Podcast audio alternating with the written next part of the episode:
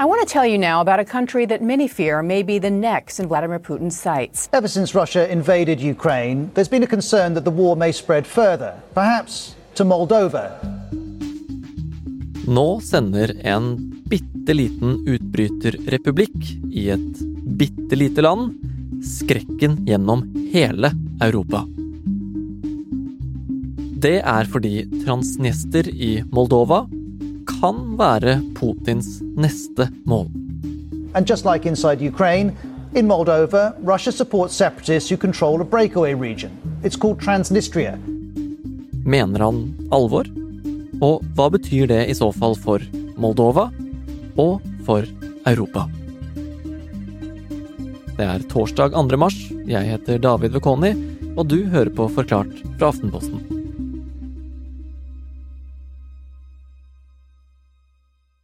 Transnister er en utbryterrepublikk som fremdeles har hammer og sigd, eh, det gamle sovjetiske symbolet, i flagget sitt. Helene Skjeggestad er journalist her i Aftenposten. Hun har vært Russland-korrespondent før, og er generelt veldig opptatt av dette. Transnister, eller eh, Transnistia som mange kaller det, er en smal, smal stripe med land i Moldova på grensa til Ukraina. Eh, det er faktisk mindre enn halve Rogaland, og det bor ca. en halv million mennesker der. Det er en selverklært republikk som sjøl mener at de forlot Moldova i forbindelse med Sovjetunionens fall. Det mener ingen andre. Eh, men fordi at Russland støtter opprørerne både politisk og militært, så har de jo klart å beholde eh, dette området og har en sånn prorussisk regjering. Og så regner man med at omtrent 1500 russiske soldater er stasjonert i Transnister, i tillegg til at Russland har militære lagre der. Mm. Hvorfor er Transnister blitt noe som eh, Europa snakker om nå? Det er fordi det i de siste dagene har kommet flere ganske urovekkende signaler fra Russland når det gjelder akkurat denne utbryterrepublikken, dette lille området. Eh, Kreml sier de er bekymra, og det gjør Europa bekymra. Og den bekymringen har vokst den siste tiden. Friday, Secretary of State Blinken expressed deep concern about Russian plots to destabilize the government there.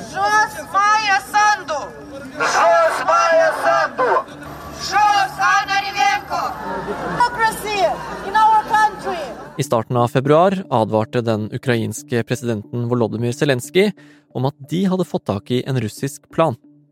En plan om å eskalere en allerede anspent politisk situasjon i Moldova. Og nå blir det spekulert på om demonstrasjoner som dette er en del av den planen. Moldova cannot go to the government. Why? Maybe you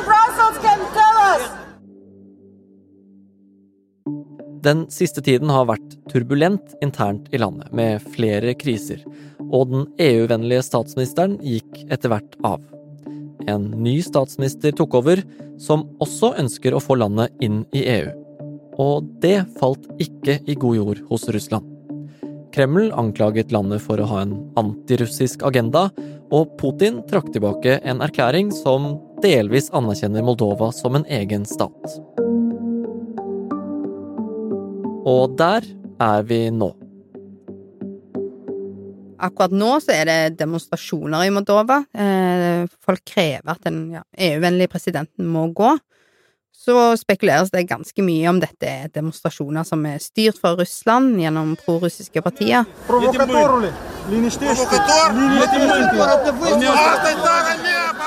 Men det demonstrasjonen i hvert fall viser, er at eh, Moldova, dette landet, nå er i ubalanse. Hva slags kontroll har egentlig Putin i Moldova? Han har eh, kontroll gjennom eh, den innflytelsen de har i Transnister, men kanskje først og fremst gjennom at de leverer gass til Moldova. I tillegg så vet vi jo at Putin og Russland har sånne kalde konflikter flere steder, hvor han kan eskalere situasjonen hvis han ønsker det. Russland har jo for eksempel det de kaller fredsbevarende styrker inne i Transnista. Og så har han mulighet til å sette ut falsk informasjon, blant annet. Som tidligere sovjetstat har Moldova hatt et tett forhold til Russland, men med årene har de vendt seg mer mot Vesten og EU. De har et område med russisk-støttede opprørere som ikke ønsker å være en del av landet. Og nå er det demonstrasjoner mot den EU-vennlige regjeringen.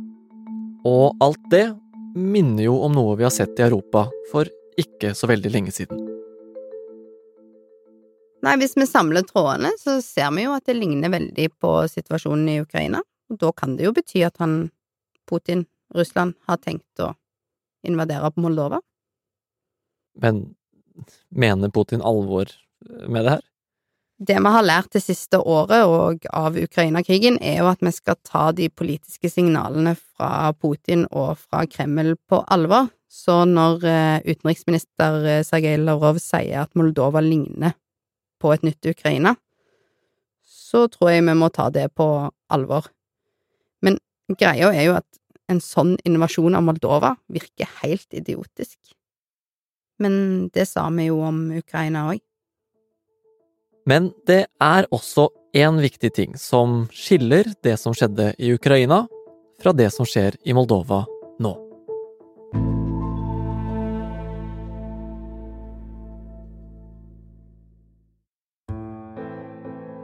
Samtidig med de dramatiske scenene i Moldova utspiller det seg en litt mer subtil dramatikk drøye 1000 km unna.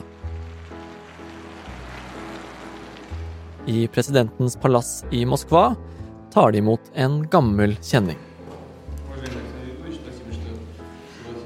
Vladimir Putin strekker ut hånden og ønsker Aleksandr Lukasjenko velkommen. Lukasjenko er den bartkledde presidenten i Belarus, det vi kalte Hviterussland før, og har kallenavnet Europas siste diktator. Men under møtet med Putin så er det ingen tvil om hvem som bestemmer. Putin takker Lukasjenko for at han kom, og svaret fra Lukasjenko Det er ikke sånn at jeg kunne ha avslått. De som er til stede i presidentpalasset denne dagen, trekker på smilebåndet. Men en hemmelig russisk plan er nå lekket til flere internasjonale medier. Og hvis den planen stemmer, så er det mer sannhet enn humor i Lukasjenkas svar. Og denne historien er viktig for å forstå hva Putin kanskje vil med nabolandene sine. Belarus og Russland, eller ja, Putin og Lukasjenko, de har tidligere hatt et ganske tett, men ganske sånn trøblete forhold Lukasjenko har eh, vært kjent som en mester i å balansere forholdet mellom EU og Vesten på den ene sida og Russland på den andre. Men etter det siste presidentvalget så brøt det ut enorme demonstrasjoner i Belarus, og Lukasjenko sto igjen med ingen venner, bortsett fra én, da, Vladimir Putin i Russland. Så nå har de et forhold der den ene ser ut til å bestemme over den andre. Og hva bringer dette nye forholdet med seg, da, for Lukasjenko og Belarus? Det er jo noe Russland og Belarus-eksperter har lurt på ganske lenge. Eh, så når det da ble lekka en sånn hemmelig plan fra Kreml eh, sist uke, så ble jo den lest med stor interesse i, i disse miljøene. For den viste nemlig at Putins plan for Belarus er at de skal bli en del av Russland. Den største forskjellen på, på, Putins plan i Ukraina og i Belarus er at i Belarus ser det ikke ut som dette skal skje med militær overtagelse, men med politisk tvang og politiske reformer. Og ifølge disse lekka dokumentene, denne russiske planen for Belarus, så skal de bli del av en union sammen med Russland i løpet av de neste syv årene altså innen 2030. Og den planen bør kanskje få det til å gå kaldt også nedover moldoviske rygger. For det er minst én viktig likhet mellom Belarus og Moldova. Både Moldova og Belarus og flere av de andre nabolandene er innenfor det Putin kaller Russlands historiske grenser. Мы не воюем с народом Украины, об этом я уже много раз говорил. Он стал Like før årsmarkeringen for eskaleringen av krigen i Ukraina holdt Putin en lang tale om tilstanden i Russland.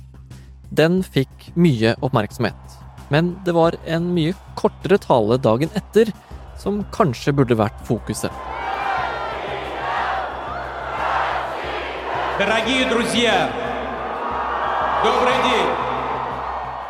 For i Putins andre tale sa han at det pågår en kamp for Russlands historiske grenser.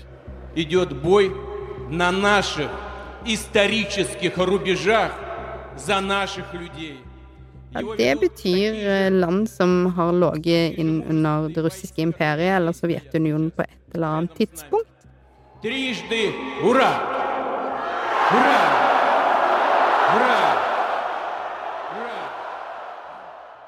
Ukraina og Belarus de ligger åpenbart innenfor for det han kaller Russlands historiske grenser.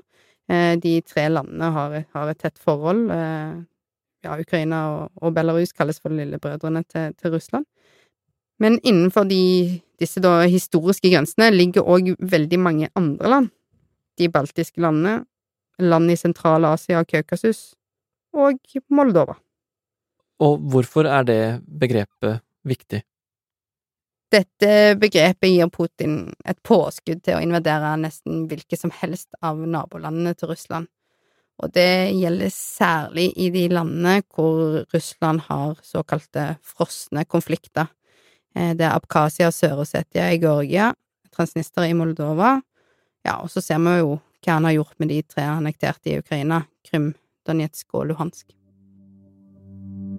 Men kommer han faktisk til å invadere enda et av nabolandene sine? Altså, hva vet vi om hvor Putin egentlig vil ende opp? Vi vet jo veldig lite om det. Eh, De fleste vet jo veldig lite om det. Jeg lurer på om, om kretsen rundt Putin vet det engang. Men det som vi vet, er jo at han mest sannsynlig ikke vil ha muligheten til å invadere et annet land raskt, sånn som han gjorde med Ukraina. De har mer enn nok å gjøre i Ukraina akkurat nå, og det virker ganske sånn dumt å spre styrkene sine eh, utover flere landområder. Men man kan jo se for seg at de, at de får til en offensiv i sør, og at de kan gå rundt Ukraina og, opp inn i Moldova. Det må i så fall være det, det scenarioet som, som virker mest sannsynlig, da. Men Du har jo snakka om dette her i Forklart eh, før. Altså, forrige uke så sa du at vi alle sammen var naive, som ikke så fullskala invasjonen av Ukraina komme. Kan det hende at vi bare er naive nå? Ja, det kan hende. Det siste året så har vi jo snakka på inn- og utpust om at vi burde ha tatt Russland på alvor, eh, og når de nå sier at Moldova ligner på et nytt Ukraina, så bør jo varsellampene lyse over, eh, over hele verden. Men så er det jo en stor forskjell på nå og for et år siden, da, og det er jo reaksjonen i Vesten. Allerede har det jo kommet signaler om at de vil eh, støtte Moldova med både våpen og, og politisk støtte. Eh, og nå som Europa kjenner hvordan det er å leve med en fullskala krig, så er man ikke like uforberedt på et nytt angrep.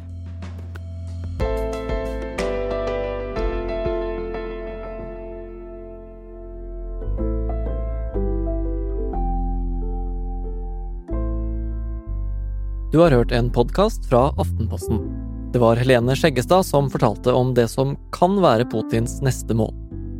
Lyden du har hørt, er fra CNN, BBC, nyhetsbyrået AP og Putins favorittavis Komsomolskaja Pravda. En avis som vanligvis skriver og gjør det Putin vil. Denne episoden er laget av vår nye produsent Olav Eggesvik, Jenny Førland og meg, David Vekoni. Og resten av Forklart er Trond Odin Johansen, Synne Søhol, Philip A. Johannesborg og Anders Weberg. Hvis du vil høre mer fra Helenes ekspertise på Russland, så har hun og flinke kolleger laget en ny podkast som gir deg en helt ny forståelse av Russland. Både i sovjettiden og tiden etter, og hvorfor så mange russere støtter krigen i Ukraina. Den heter Putin og Maria, og du kan høre den i Aftenposten-appen eller i Podmy. Og husk at Forklart kan du høre gratis hver ukedag, overalt hvor du hører på podkast.